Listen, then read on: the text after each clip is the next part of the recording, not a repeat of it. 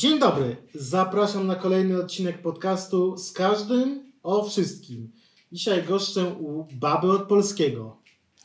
Cześć Mateuszu, Aneta Korycińska. Bardzo miło mi Cię powitać w moim domu.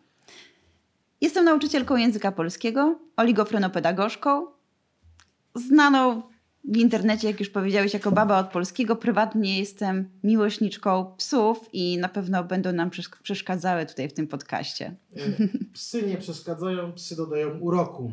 E, Aneto, e, niedawno pochwaliłaś się na swoim profilu, że dołączyłaś do osób, do wielkiej rodziny osób nieneurotypowych. Tak jest. Jest to dla mnie duże zaskoczenie tylko dlatego, że chociaż pracuję od skąd jestem nauczycielką, czyli 9 lat, tak pracy zawodowej już jest za mną. Boże, jaka jestem stara. E, mm, z osobami e, nieneurotypowymi. Głównie zajmuję się spektrum autyzmu. E, to a propos przeszkadzania tych piesków. Mm, to ciągle szukałam, co jest ze mną nie tak. To znaczy, mam nadmiarę energii i jestem pracocholiczką i bardzo się wkręcam w moją pracę. Po prostu nie ma momentu, kiedy ja bym czuła zmęczenie. Dopóki mój organizm mi nie da znać, że na przykład wysiadam. E, oczywiście w nocy jestem tym klasycznym przykładem z memów, kiedy śpisz i nagle twój mózg pyta się, czy łysi smarują głowę filtrem i tak dalej. Nie? To, to, to jest wszystkie mówię, że nie, bo jestem łysy i tego nie robię. Po prostu Dziękuję. noszę czapkę. Dziękuję Ci bardzo. Więc e, w nocy mam wtedy burzę mózgu i większość nocy w moim życiu, zwłaszcza w roku szkolnym, jest nieprzespana, bo mam wrażenie, że one są e, po prostu strumieniami myśli, milion pomysłów. Ja tylko jakbym zamykała oczy, natłoki pomysłów. Przede wszystkim mam genialne pomysły w nocy. I ciągle oczywiście jestem pod opieką e, terapeutki, rozmawiamy o tym i ona mówi, przecież pani ma ADHD. I to było dla mnie wielkie zaskoczenie, bo kiedy rozmawiam z uczniami, z osobami uczniowskimi, e, wiem mniej więcej z czym się mogą mierzyć, ale nigdy o sobie nie pomyślałam, że to może być kwestia nieneurotypowości. Po prostu myślałam, że to jest jakieś moje e, złe zachowanie, na zasadzie, że pracoholizm, że to jest niezdrowe, że to jest uzależnienie od pracy, że w tę stronę raczej idę. I nikt mi tego nie nazwał. Poczułam ogromną ulgę. No i nazwał ci dlatego, że przez lata u kobiet e, ADHD nie było diagnozowane, podobnie jak spektrum autyzmu. Tak jest. E, I teraz też widzę, mm, że w, no, zawsze się śmiałam, że w moim otoczeniu są e, głównie kochane osoby w spektrum, no i teraz rozumiem, dlaczego zawsze się z nimi chyba dogadywałam. Po prostu jest to cała baba od polskiego, cała moja firma to są osoby nieneurotypowe, żeby było zabawniej. I tak się dobraliśmy przypadkiem, nawet się nie znając, poznając się w internecie na początku. Po prostu sobie myślałam, kto jest fajny, nadawałby ze mną na podobnych falach i jeszcze wybieram ludzi, których uważam za najmądrzejszych. I akurat tak się okazało, że wszyscy jesteśmy nieneurotypowi. Ja wiem, że to brzmi jak jakaś taka autolaurka, ale uważam, że y, to jest naprawdę wspaniałe, że można stworzyć swoją taką planetę ludzi, z którymi się dogaduje. I tutaj ja bym chciał poruszyć pewien bardzo ważny temat. Bo ty robisz coś kapitalnego moim zdaniem, bo ty pokazujesz, y, że osoby nieneurotypowe, czyli na przykład osoby autystyczne, można włączać w życie chociażby społeczności szkolnej, nie, nie zmuszając je do czegokolwiek, ale grając z nimi do jednej bramki. Nie wiem, co jest w tym kapitalnego. Dla mnie to po prostu normalne. W takim świecie chciałabym żyć. I na czym to polega? Jak właśnie robić tak, żeby osoby, właśnie na przykład spektrum autyzmu, mhm. Y, one nie czuły się zmuszane, nie musiały się dopasowywać do większości, y, nie były w jakiś sposób, nie wiem, kształtowane przez mhm. ciebie, lepione jak glinę, jak to kiedyś się mówiło, tylko funkcjonowały według tych swoich troszkę odmiennych zasad. Przede wszystkim, tak jak e, z każdym człowiekiem, staram się go poznać. I tak prowadzę zajęcia ze wszystkimi osobami uczniowskimi. Muszę się dowiedzieć, co lubią, czego nie lubią. Na początku je obserwuję, e, sprawdzam, mm, jak się zachowują, jak czytają na przykład żeby sama, bo często oczywiście mam e, osoby uczniowskie, które nie mają diagnoz i ja już widzę, że na przykład, aha, tutaj tak ktoś patrzy. Patrzę, jak on bada świat, jak on go doznaje. pytam. Przede wszystkim pytam. E, I pozwalam na to, żeby siedzieć inaczej niż reszta, zachowywać się inaczej niż reszta, bo ja sama pamiętam swoją szkołę jako wielką traumę, gdzie każdy chciał mnie włożyć foremkę, a ja wiecznie byłam tą buntowniczką, która miała dobre oceny i to był problem, bo nie było wiadomo, co ze mną zrobić. I tak lądowałam bez przerwy na dywaniku. U dyrektorki, u pani e, psycholog, bo coś było nie tak ze mną. Co mogło być ze mną nie tak? Na przykład uważam, że jakieś rzeczy są idiotyczne, bo się nie zgadza. Uważam, że zachowania dorosłych są nielogiczne. Na przykład, dlaczego dzieci mają zmieniać obuwie, a nauczyciele nie skoro było to jest takie samo. No i już byłam na dywaniku. Więc w kółko miałam takie rzeczy, albo to, że ja nie jestem w stanie słuchać bez robienia czegoś jeszcze. Muszę mieć drugi kanał, bo inaczej nic nie usłyszę. Dam się ponieść moim myślom. I od dziecka rysowałam. Pamiętam, jak kiedyś mnie na przykład nauczyciel, mój wychowawca, obraził się, podszedł, wziął mój zeszyt i rzucił przez całą klasę. On się oczywiście rozpadł, bo to były te czasy jeszcze klejonych zeszytów, w twardej oprawie, początki i powiedział: To jest śmieć! I wybiegł z klasy obrażony. A ja po prostu musiałam coś z boku rysować, bo inaczej nie jestem w stanie skupić uwagi tylko na słuchaniu.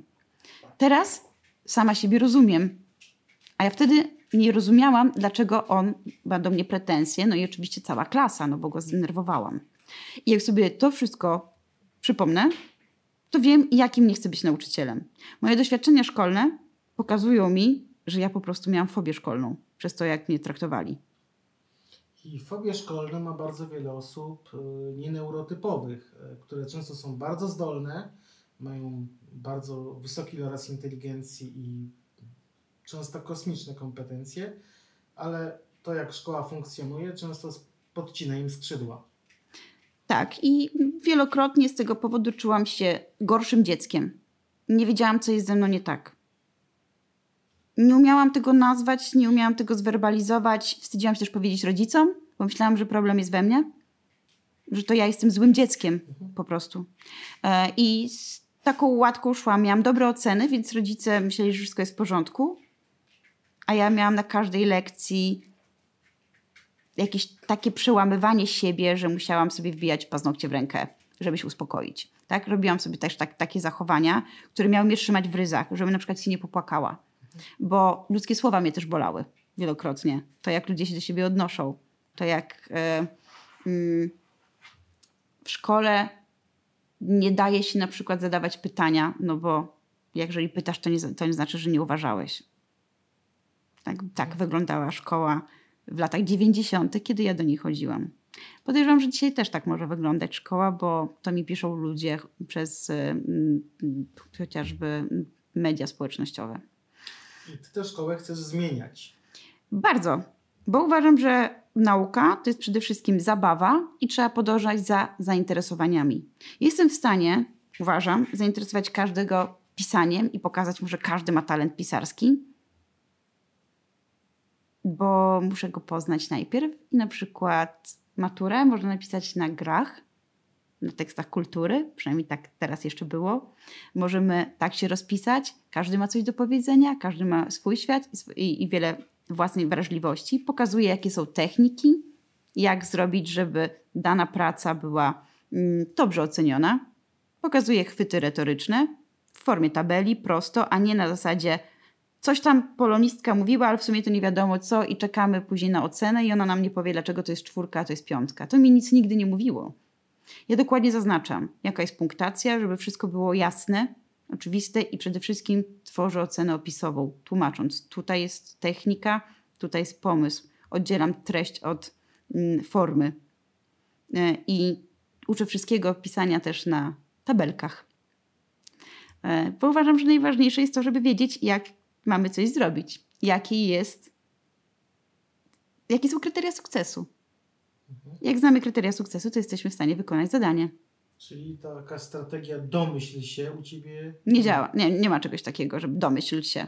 Robimy to razem i kombinujemy później, i później już ta osoba w ramach tej tabelki może wkładać siebie, tak? czyli swój światopogląd, swoje teksty kultury. Nie ma też u mnie jedynej słusznej interpretacji. Świetną rzeczą była taka lekcja o, omawialiśmy Homo Fabera i uczeń... Byś mogła tylko przybliżyć mhm. naszym czytelnikom, o czym to jest ten homo faber. Homo faber jest o... Mm, sama nazwa mówi, że człowiek rzemieślnik. E, jest o dorosłym... E, to jest taka reinterpretacja mitu o królu Edypie. On zupełnie nieświadomy, mm, mający problemy społeczne z kobietami, mm, tylko dorosły mężczyzna, nie wiedząc o tym, e, będzie miał romans ze swoją córką. My to czytamy jako kontekst do króla Edypa, ale tam mamy dużo przemyśleń tego y, głównego bohatera, y, który uważa, że najdoskonalszą istotą jest robot, maszyna. I cały czas mówi o rachunku prawdopodobieństwa. I szokiem, oczywiście mówimy o różnych, y, o odczuciach, czy jakby był skazany na klęskę, te wszystkie motywy takie, które się w szkole obrabia, czyli czy to jest bohater tragiczny, czy nie. To wszystko robimy, gdzie są odwołania do króla Dypa, ale na jednej z lekcji E, uczeń e, w spektrum autyzmu powiedział, że on totalnie rozumie głównego bohatera, bo on też tak uważa. I zaczął nam robić interpretację ze swojego punktu widzenia. To było coś wspaniałego. E, nie mówię teraz o jakiejś kliszy, że każdy tak ma, tylko chodzi mi o to, że potrzebne są te nowe spojrzenia, nowe punkty widzenia, także na literaturę, nowe jej odczuwanie. I ta lekcja poszła w zupełnie innym kierunku i wszyscy po prostu doznali jakiegoś olśnienia. My siedzieliśmy nad tym homofaberem tak, że ja już dawno musiałam iść z programem gdzieś tam dalej, ale oni tu popłynęli. Tak samo i z Hamletem. Im więcej ludzi pokaże swoje punkty widzenia, tym wartościowsza jest ta lekcja, bo zawsze po trzech latach im mówię, że jeżeli słuchali tylko moich interpretacji, to właśnie zmarnowali trzy lata. Oni po to czytają te teksty, żeby się w nich przejrzeć i żeby zbudować swój system wartości. I każdy ma zbudować swój. No to pięknie mi to się rymuje z takim myśleniem o nieneurotypowości czy o spektrum autyzmu jako takiej alternatywnej ścieżce rozwoju, że to nie jest jakaś ścieżka, która jest gorsza, czy naznaczona, czy nawet może lepsza, ale po prostu jest alternatywna i pozwala e, nam, czy społeczeństwu mówiąc szeroko, poznać jakąś inną perspektywę na różne problemy. Okazuje się także na literaturę. Po prostu tak. Każdy mm, jest w stanie coś nowego włożyć od siebie, inaczej spojrzeć na świat. Więc dla mnie każdy jest alternatywny. To znaczy, każdy jest, ma inny zestaw wrażliwości, inaczej postrzega świat. I moim zdaniem rola nauczyciela jest taka, żeby odkryć, w jaki sposób człowiek doznaje świata i mu pomóc. Niech drap, niech okay. szaleją. Tutaj, e, e, ja uważam, że podcast to nie jest coś sterylnego, tylko okay. jak mamy takiego pieska, dobrze. Tak, on musi się ułożyć. To jest pieska prawo, my weszliśmy do jego, jesteśmy w jego mieszkaniu, mieszkanie pieska, więc tak, dobrze. Tak, tak. Moja rola jest taka, żeby pomóc tej osobie w zapamiętywaniu na przykład. Odkryć, w jaki sposób ta osoba zapamiętuje, w jaki sposób może ułatwić sobie życie ja jestem też wielką przeciwniczką zakuć, zaliczyć, zapomnieć. Oczywiście u mnie wszystko idzie na skojarzenia.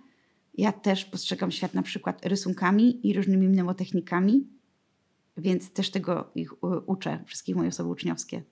E, moim zadaniem jest tak dobrać metodę, żeby dla tego człowieka to nie była męka, przyjemność. No, to... Czegokolwiek by się nie uczył, nawet jeżeli jest to rozkład zdania. No to właśnie, po przy nauce języka polskiego mamy nie tylko taką ciekawą, przyjemną literaturę, ale też ciężką, przepraszam, trudną polską gramatykę. Tak, no i tutaj mam, myślę, różne metody. Mm, dużo rysuję na lekcjach. Mm, robię oczywiście skojarzenia, żeby było im bardziej zabawnie, tym lepiej. Do nauki przypadków miałam taką uczennicę, mm, której e, język polski był drugim językiem i tata akurat skończył się mu kontrakt w pracy w Stanach Zjednoczonych i trzeba było wrócić. No i dziewczynka by wróciła prosto na egzamin ósmoklasisty. No w domu się mówił po, po polsku, ale nikt przy śniadaniu przecież nie mówi o przypadkach. Więc zaczęłam te trudne słowa, które nic jej nie mówiły, wprowadzać. Mm, I to był moment po prostu, że trzeba zrobić z tego opowieść, film. I też im uczę ich, jak mają sobie stwarzać filmy w głowie. Hmm. Wymyśliliśmy mafię przypadków. Oczywiście zapomniałam, że e, miał być jak te gangi z Biedronki i tak dalej, że w Stanach nie ma Biedronki, ale mafia, mafia przypadków zadziałała. No i mieliśmy tego, który mianuje, kto co dzisiaj dostaje zadanie. Dopełniacz był takim sługusem, tylko pytał komu czemu czego, e, czegoś tam e, dolać. E, celownik, przepraszam, to, było kogo czego. Celownik komu czemu się przyglądać, tak? Ma wszystkich na celowniku. I tak dalej. Tworzyliśmy narzędnik, nie dość, że jest złotą rączką, to jeszcze jest kierowcą i pyta z kim, z czym dzisiaj jedzie, a miejscownik to takim, trzeba było sobie wyobrazić takiego pana, takiego ochroniarza, takiego ciecia, który wygląda jak takiego miłego wujka, a tak naprawdę tylko nasłuchuje o kim, o czym mówią. No i wołacz to jest ten gość od PR-u, e, który zawsze chodzi w garniturze e, i pyta się e, Mm, dzień, mówi, dzień dobry panie władzo. No i tak stworzyliśmy sobie opowieść e, i różne historyjki wymyślaliśmy o tym gangu, o tej mafii.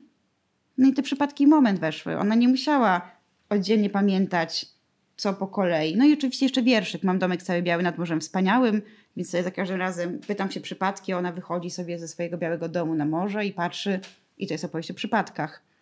Więc kadry w głowie. To bardzo pomaga. Nie trzeba zakuwać.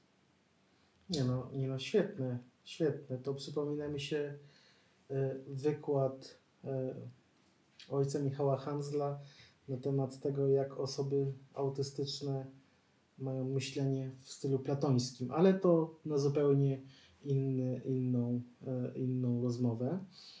Ja to chciałbym wrócić do właśnie pracy z uczniami ze spektrum autyzmu, mhm. bo ja często spotykam się to broń Boże nikogo nie chcę oceniać, że pedagodzy, nauczyciele, dyrektorzy szkół mówią o problemach, które mają z uczniami autystycznymi, że nie potrafią się z nimi porozumieć, że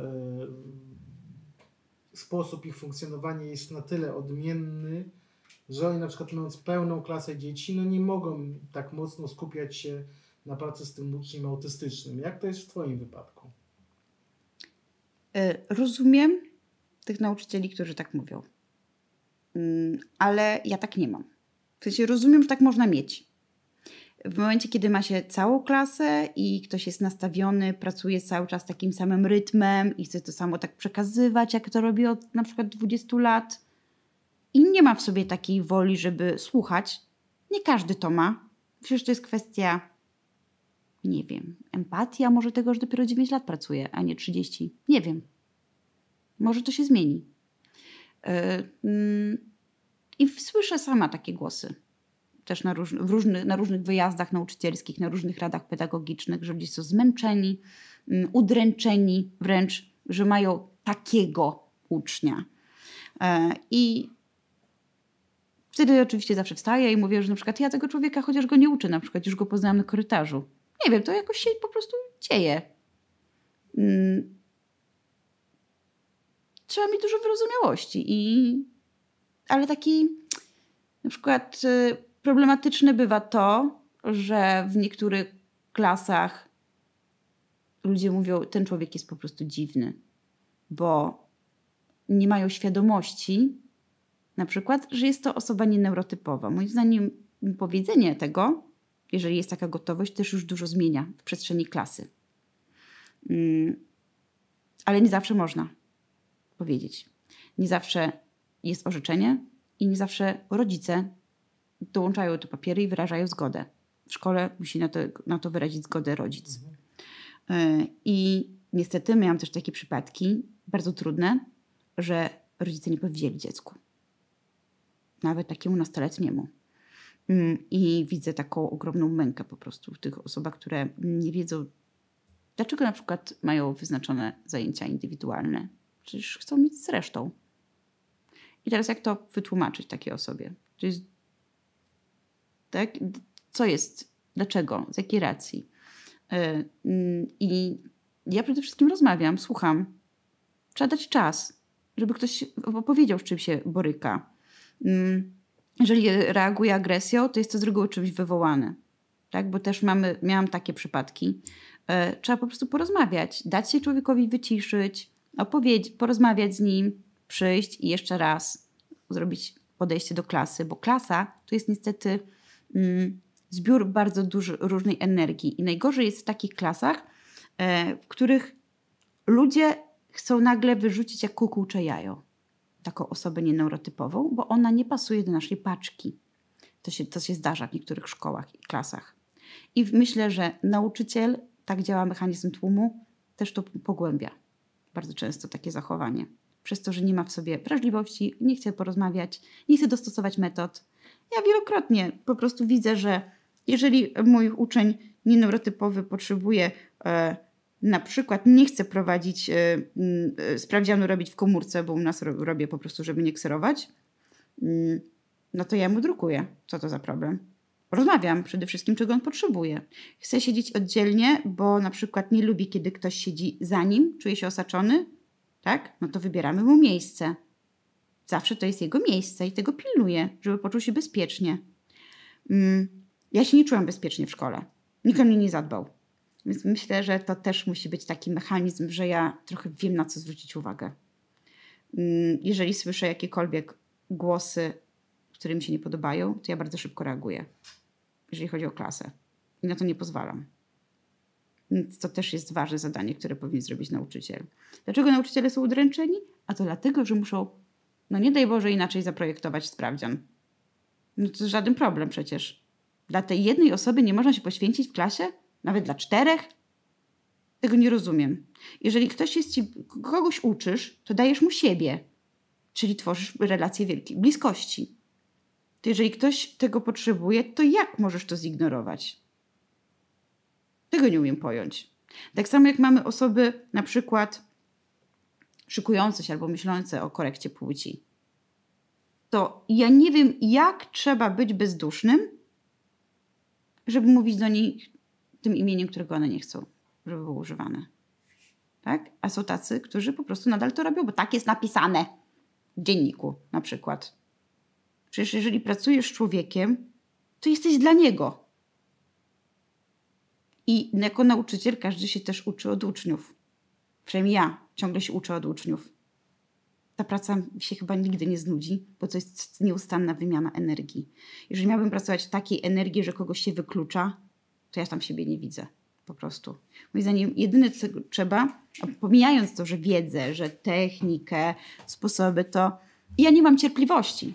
To nie chodzi o to. Bo mówią często nauczyciele, że nie mam cierpliwości do pracy z tym człowiekiem. No to co robisz w tym zawodzie? Okej, okay, każdy ma problemy. Każdy ma dom, swoje życie, tak? Każdy może być zdenerwowany. To też jest normalne ale przede wszystkim trzeba chyba mówić też o emocjach. I każdy ma do nich prawo.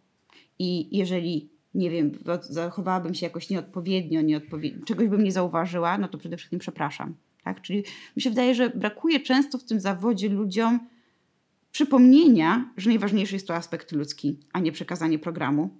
To po pierwsze. Po drugie, konieczne jest to nastawienie tej osoby. Jesteś dla niej tutaj. Tak? Ty jesteś po to, żeby uczyć. Ja wiem, tak, nauczyciele słabo zarabiają. Długo się uczyli, trudna praca, mało zarabiają. To jest problem systemowy. Ale chyba idąc do, takiego, do takiej pracy, nikt nie myślał, że będzie zarabiał kokosy. Ja wiem, że to jest nie w porządku i że powinno się zarabiać więcej, jasne, ale ta praca jest misją. Mhm. Bez tej misyjności to jest trochę jak wolontariat nie wiem jak to nazwać, taka misja właśnie. Powołanie. Powołanie, Jest tak. Takie ładne słowo. Jest takie ładne słowo powołanie. Ja nie wiedziałam, że będę miała powołanie. Ja po prostu nigdy nie chciałam być nauczycielką. Ja po prostu poczułam, jaka to jest energia i że mogę coś, mogę komuś pomóc. To jest najfajniejsze, to, że wraca później, że na przykład widzę, że ktoś pokonał jakąś trudność. Dzięki moim tylko naprowadzaniu, moim podpowiedziom, naprowadzaniu. I takiego podejścia brakuje, jeśli chodzi o osoby nieneurotypowe. E, twoim zdaniem, jak powinno się pracować z nauczycielami? Bo moim zdaniem nie da się tego zrobić bez pracy e, z pedagogami, z całym środowiskiem szkolnym. I moim zdaniem, jeśli czegoś oczekujemy od ludzi, to musimy najpierw dać im jakieś informacje i ich tego nauczyć. E, nauczyciel też powinien być czegoś uczony. I jak Twoim zdaniem powinno się rozmawiać o autyzmie czy o ADHD? E, jak pokazywać ten autyzm, jak pokazywać perspektywę osób nieneurotypowych, właśnie po to, żeby takich pedagogów jak Ty było więcej? Hmm. Najtrudniej jest uczyć nauczycieli. Bo w tym zawodzie jest też coś takiego, że wszyscy mamy wrażenie, że pozjadaliśmy rozumy. Przez to, że się uczy, to ludzie myślą, że są nieomylni. I widać, jak się zachowują często. Mówię o taką grupie, że jest coś takiego, że jest taki duży dystans nauczycieli w trakcie wykładów czy różnych ćwiczeń, kiedy się im przekazuje wiedzę albo się ich prosi o zmianę sposobu uczenia. Więc na początku jest opór. I żeby go przełamać, myślę, że potrzeba takiego nieustannego powtarzania i i rozmowy chociażby z uczniami. Uczniowie są potrzebni. Dlaczego? Bo myślę, że najlepiej uczyć na przykładzie, więc jeżeli y, opowiadam y, osobom dorosłym o tym, co odczuwały osoby nieneurotypowe na jakiejś lekcji, co było nie ok, to dopiero przez to ludzie są uświadomieni, bo nikt raczej, jeżeli nie jest jakimś dewiantem, nie ma zamiaru sprawiać człowiekowi przykrości i być dla niego nie wiem, jakimś demonem, który po prostu będzie się kojarzył, tylko że z nim ta szkoła jako okrutna. Nikt tego nie chce. Po prostu nauczyciele tego myślę, że nie zauważają. Trzeba na początku pokazać, jakie ich zachowania są nieodpowiednie i dlaczego, czyli przez przykład. Chyba taka najprostsza metoda. Hmm. I przede wszystkim ciągle robić spotkania w szkołach i edukować. U mnie w szkole się zdarzają takie spotkania. Prowadzą osoby zewnętrzne. Spotkania są po lekcjach, więc mało kto na nich zostaje. No bo każdy ma dzieci, psy, prawda, kolejną pracę, do kolejnej szkoły biegnie. Takie zajęcia powinny być obowiązkowe w trakcie rad pedagogicznych, żeby to się nazywało jak rada pedagogiczna. Moim zdaniem troszeczkę to jest tak właśnie jak ta kropla, tak, która drąży skałę. Stopniowo, stopniowo aż to stanie się normą, że musimy zrobić takie podejście. My jesteśmy niedoedukowani, myślę, jako społeczeństwo.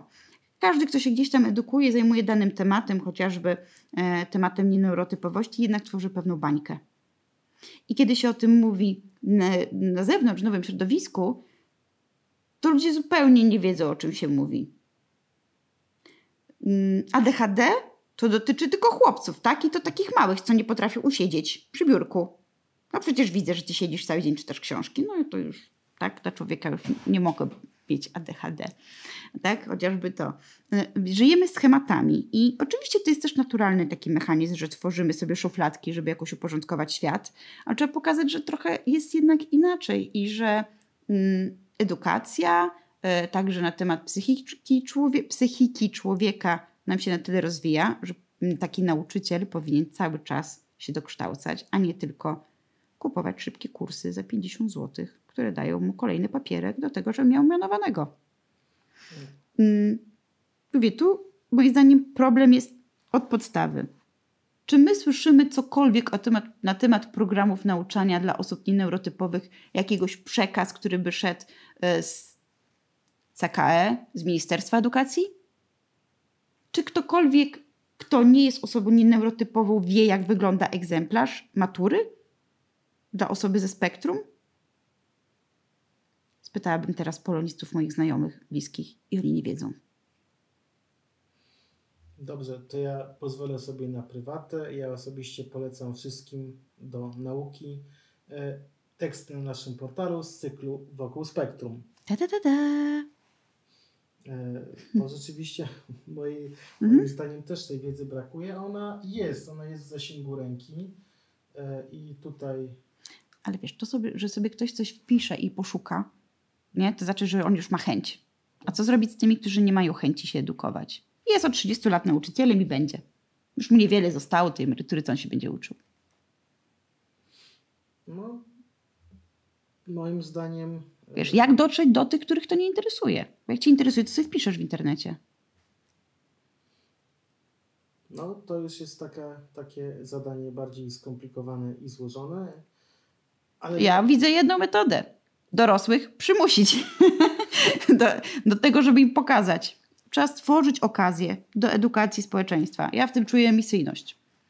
No, dobrze powiedziałeś o społeczeństwie, bo y, przepraszam, ja zacznę teraz Mhm. swoją dygresję, ale nauczyciele, pracownicy szkoły, dyrektorzy, y, pracownicy ministerstw, y, to po prostu członkowie społeczeństwa. Jeśli w społeczeństwie wiedza na temat nieneurotypowości jest taka, jaka jest i jest bardzo przesiąknięta stereotypami, no to ja nie oczekuję, że któraś z grup nagle będzie Mhm. jakoś wybitnie na ten temat wrażliwsza, no bo y, wszyscy żyjemy w społeczeństwie, jak mówi cytat z pewnego filmu. Y, I to powinno się dziać po prostu szerzej, że po prostu to, jak my rozmawiamy o nieneurotypowości, no, jakiego my ładnego słówka używamy, nieneurotypowość, tak? Może wyjaśnijmy e, ludziom, że nieneurotypowość to Inny sposób odbierania świata. Ja bym tak to powiedziała. Ale inny od czego to też mi trudno określić. No właśnie, więc osoba autystyczna nie jest e, problemem, kosztem, e, wyzwaniem nawet, tylko jest człowiekiem o odmiennej perspektywie, Mhm. Z którą, do której po prostu trzeba mieć e, troszkę inne, bardziej tolerancyjne, bardziej otwarte podejście. E, I, Szczerze mówiąc, jeszcze tak pozwolę sobie na dygresję. ale pozwalaj sobie, to jest twój, twoja pola do dygresji. Yeah. E, ja nigdy nie odczuwałam różnicy. Ci są ekstrawertykami, ci są introwertykami, ta jest osoba w spektrum, ta ma ADHD, e, ten e, lubi kwiatki, ten śmierdzące skarpetki, wszystko w porządku. Po prostu dla mnie każdy człowiek jest w pewnym sensie inną, ma inną wrażliwość na świat. Więc ja tego nigdy nie byłam w stanie postrzegać jako właśnie, o, ci są problematyczni, a ci nie. Bo ten się uczy bardziej słuchowo, a ten musi sobie pokrążyć i postukać, tak? A ten coś, każdy z nas inaczej troszeczkę doznaje tego świata i w innej formie zapamiętuje chociażby. Taki, że, bo to jest ważne w szkole akurat. Więc nigdy nie byłam w stanie spojrzeć na taką narrację, bo ale spotykam się z tym do dzisiaj przecież i ty też walczysz, bo przecież mamy się na Facebooku. Mateusza znam już dawno.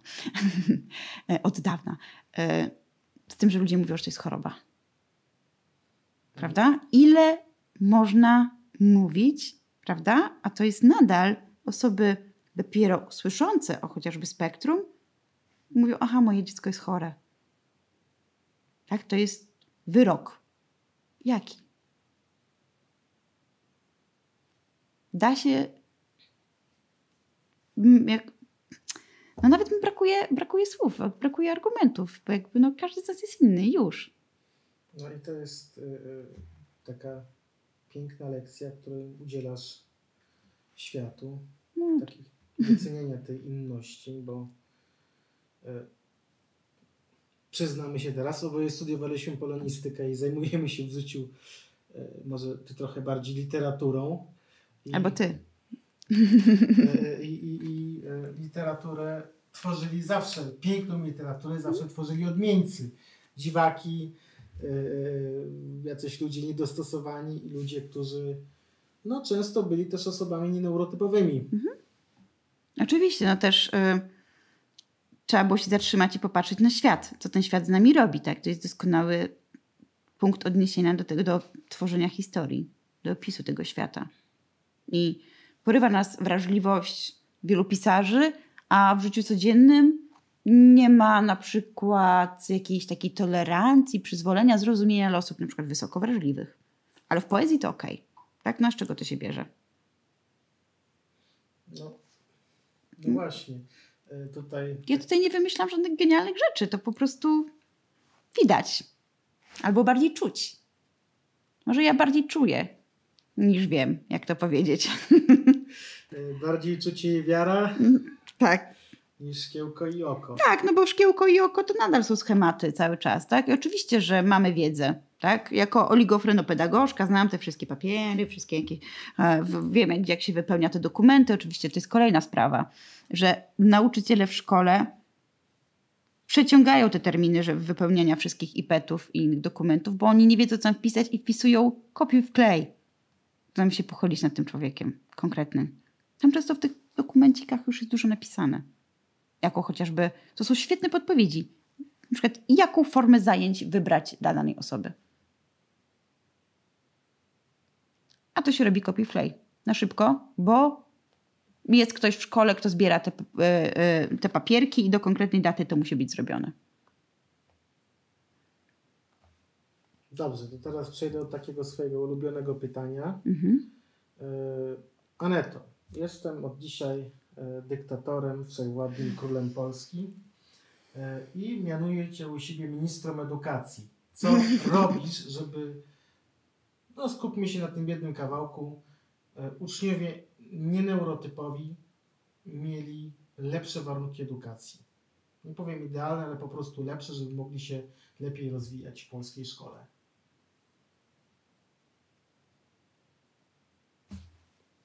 Bardzo odpowiedzialne zadanie, muszę chwilę pomyśleć. Mm, Pamiętając, że chciałabym być e, ministrą bezpartyjną, bo uważam, że edukacja nie powinna być w rękach żadnej partii. Wtedy jest szansa, że będzie, te mm, zmiany będą wchodziły stopniowo i będzie to będzie w jakimś cyklu, a nie tak co rząd to coś innego.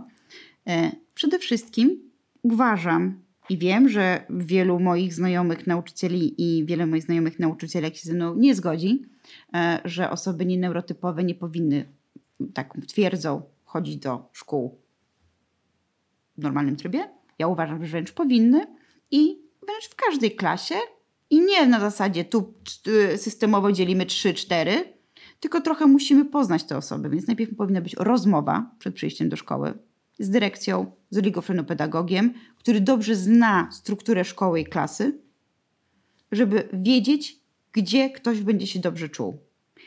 Spotkania regularne, nawet bym to zrobiła w trakcie dnia pracy.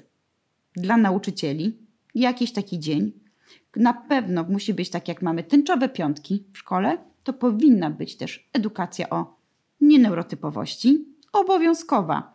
Filmy, wykresy, zabawy, pokazywanie innego spojrzenia na świat.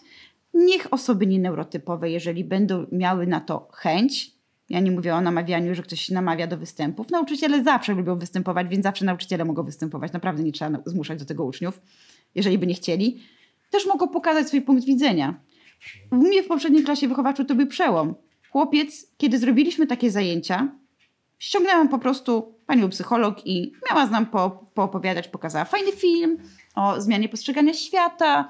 Yy, I w pewnym momencie ten chłopiec się wyrwał i zaczął na tablicy robić wykresy, jak on postrzega świat i zaczął opowiadać o sobie. To zmieniło wszystko w klasie. Oni zaczęli się wtedy szanować, bo oczywiście on chciał wejść jako pierwsza klasa liceum do tego środowiska, więc opowiadał żarty. Nie miał wyczucia po prostu, czy to jest śmieszne, czy nieśmieszne. I dziewczyny od razu dały mu łatkę szowinista. On po prostu przeczytał mm, żart i go powtórzył. Chciał być zabawny. Z czego to wynikało? I on później to opowiedział.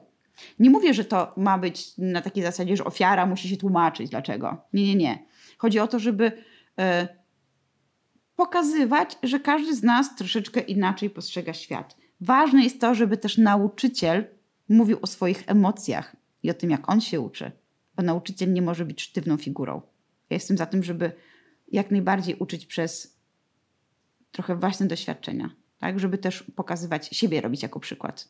Nie, że wzór, tylko mówić właśnie o swoich błędach. Kolejna sprawa błędy.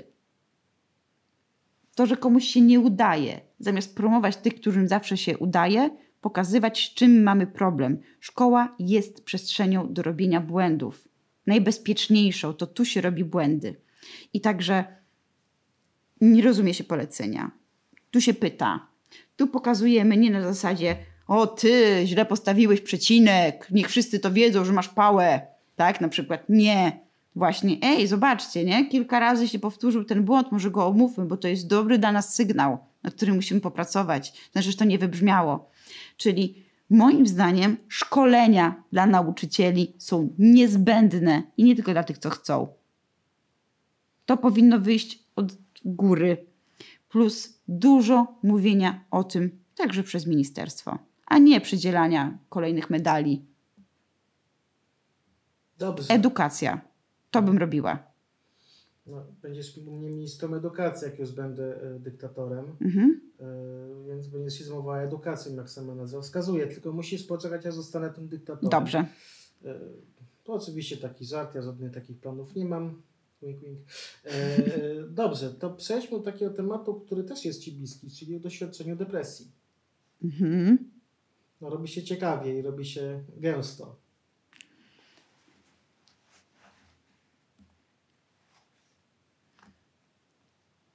Dramatyczna pauza. Mhm. Mm. No tak, no co no. Cześć, nazywam się Aneta Korycińska, mam depresję. Od lat. Leczoną od lat. Ale z depresją jest tak, że ona czasami wraca niespodziewanie. Jak już zamykasz drzwi, to ona patrzysz, a tu przyjechała ciotka z Ameryki i już musisz stawiać herbatkę. I od nowa się zapoznajemy. I od nowa myślisz, okej, przychodzą te dni, kiedy się nie będzie chciało żyć. I to nie jest tak, że dobra, byłam już w bardzo, bardzo skrajnych momentach. Czasami chorowałam bardziej, mm, ale już umiem rozpoznawać sygnały i od razu umawiam się, jeżeli nie jestem w terapii, mm, a z reguły tak to się gdzieś tam działo, mm, na terapię na, do psychiatry, albo od razu dzwonię do psychiatry i mówię, obserwuję siebie. Czyli tak jak obserwuję otoczenie, to muszę obserwować siebie. Ja bardzo dużo zbieram z otoczenia, więc to, że sobie, że mnie stać, bo to jest podstawa, na regularną, cotygodniową terapię sprawia, że mogę być lżejsza i nieść pomoc innym. Bo nauczyciel, który nie dba o swój stan psychiczny i siebie nie obserwuje, sam jest toksyczny dla klasy i jej nie pomoże, moim zdaniem. Uważam, że w tym zawodzie trzeba po prostu cały czas mieć jakąś superwizję albo terapię. Tego nie ma, bo jednak liczba historii uczniowskich, takich, których się dźwiga, historii rodzin, o których się wie, których nie można zrobić. Ja nie wiem, może niektórzy jak się spowiadają, to mają gdzie to zrzucić. No ja nie chodzę do spowiedzi, więc ja muszę mieć terapeutkę. No. Mm. A jeżeli chodzi o doświadczenia depresji, teraz to wiem. Ja byłam dzieckiem z depresją. Zawsze ta depresja mi towarzyszyła. To jest taki, taka czarna dziura we mnie, którą sobie mam. Dobrze, Pamiętasz, taki królik Buck zrzucał taką dziurę i można było w nią wskoczyć. Tak, to ja tak. taką mam w środku. w środku. Dobrze, jest to bardzo ważne świadectwo chyba dla osób doświadczających depresji, E, ale też mam taką refleksję, że to jest dobrze, żebyśmy o tej depresji właśnie mówili w taki sposób, jak Ty mówisz, żeby e, z jednej strony ją normalizować, pokazywać, że to się zdarza, że czasami chorujemy na depresję, czasami mamy katar, czasami e, mamy zwichniętą kostkę, a czasami e, mamy depresję. Ja mówię swoim uczniom i nie na zasadzie, żeby ich obciążyć, tylko na przykład jak dostałam e, nowe leki i zasypiałam notorycznie, to ja nawet ich poprosiłam, czy nie można by było naszej godziny porannej przełożyć na przykład w planie na inny dzień albo na inną godzinę, bo po prostu notorycznie nie byłam w stanie wstać po nowych lekach.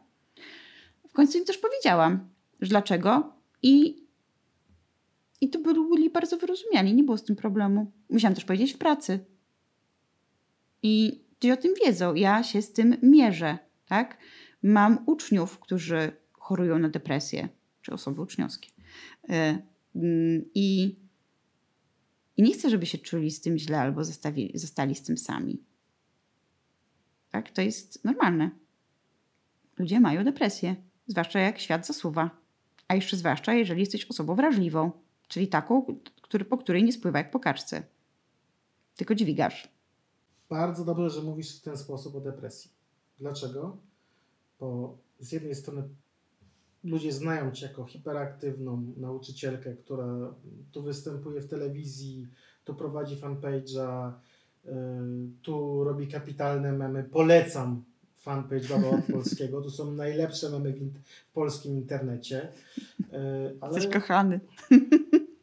Staram się. E, e, Ale jesteś też osobą doświadczającą depresji, która wprost o tym mówi. I może to będzie jakimś takim truizmem. Wiadomo, że jak sobie robię zdjęcia, to wtedy, kiedy jestem uśmiechnięta, ale to nie jestem ja na co dzień.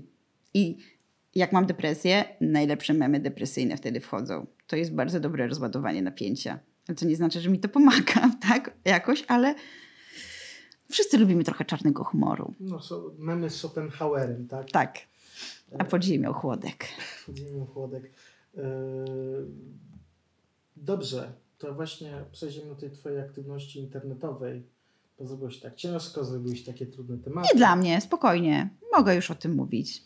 Yy, Ale bym chciał porozmawiać o tym, Mhm. jak nawet miałem dzisiaj taką refleksję, że ja troszkę nie łapię już tego jakby współczesnego internetu, a ty go łapiesz kapitalnie.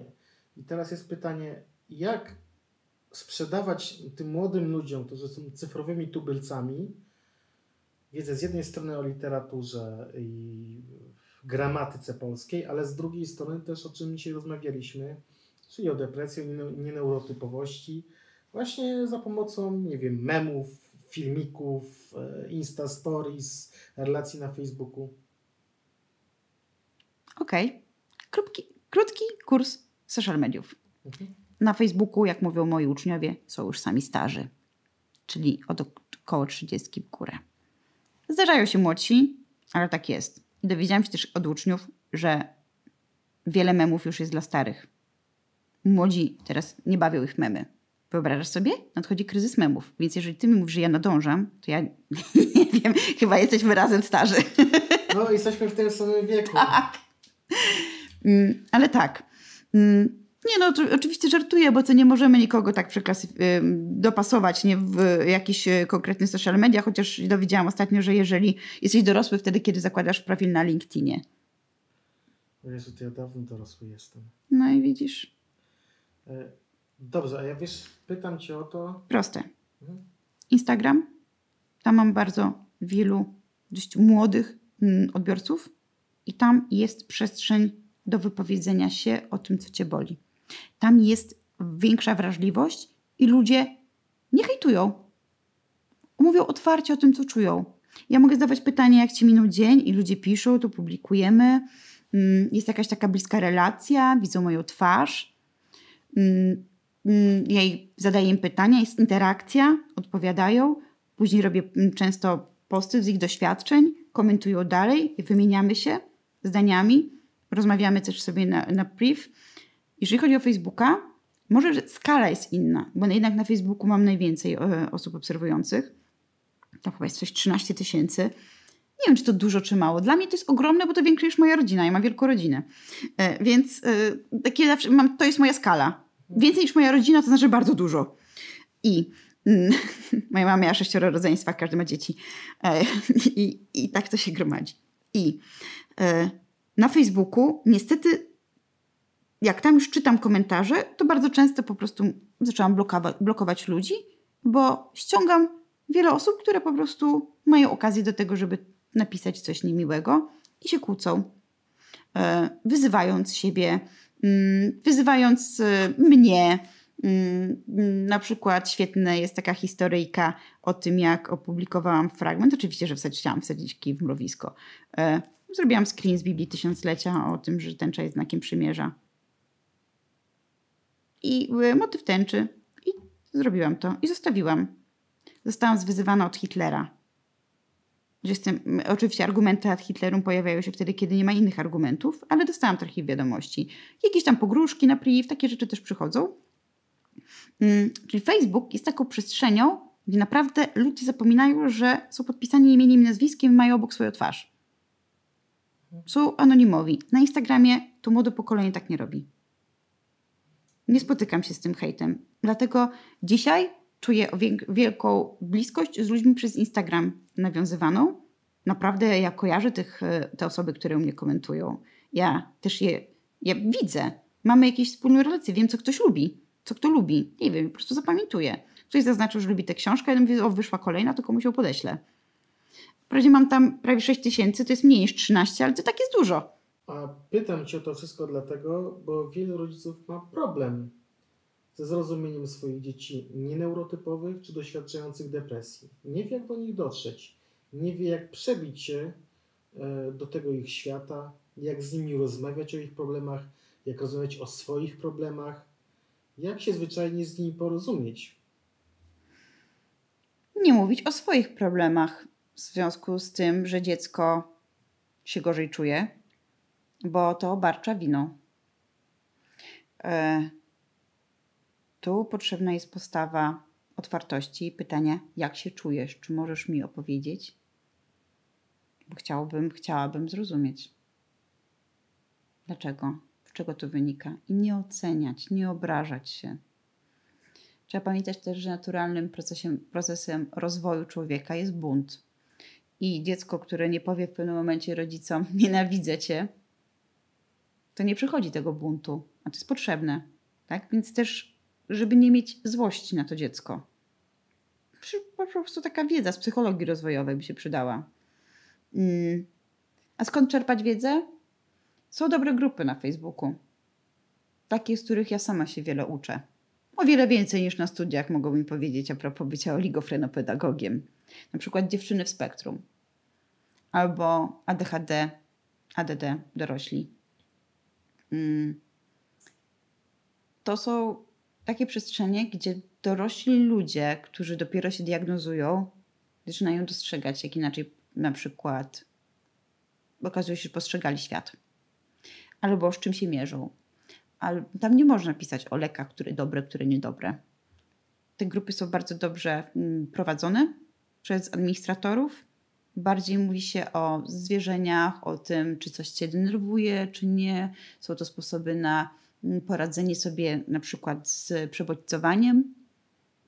Jak można mm, z taką wrażliwością dźwiękową sobie na przykład radzić.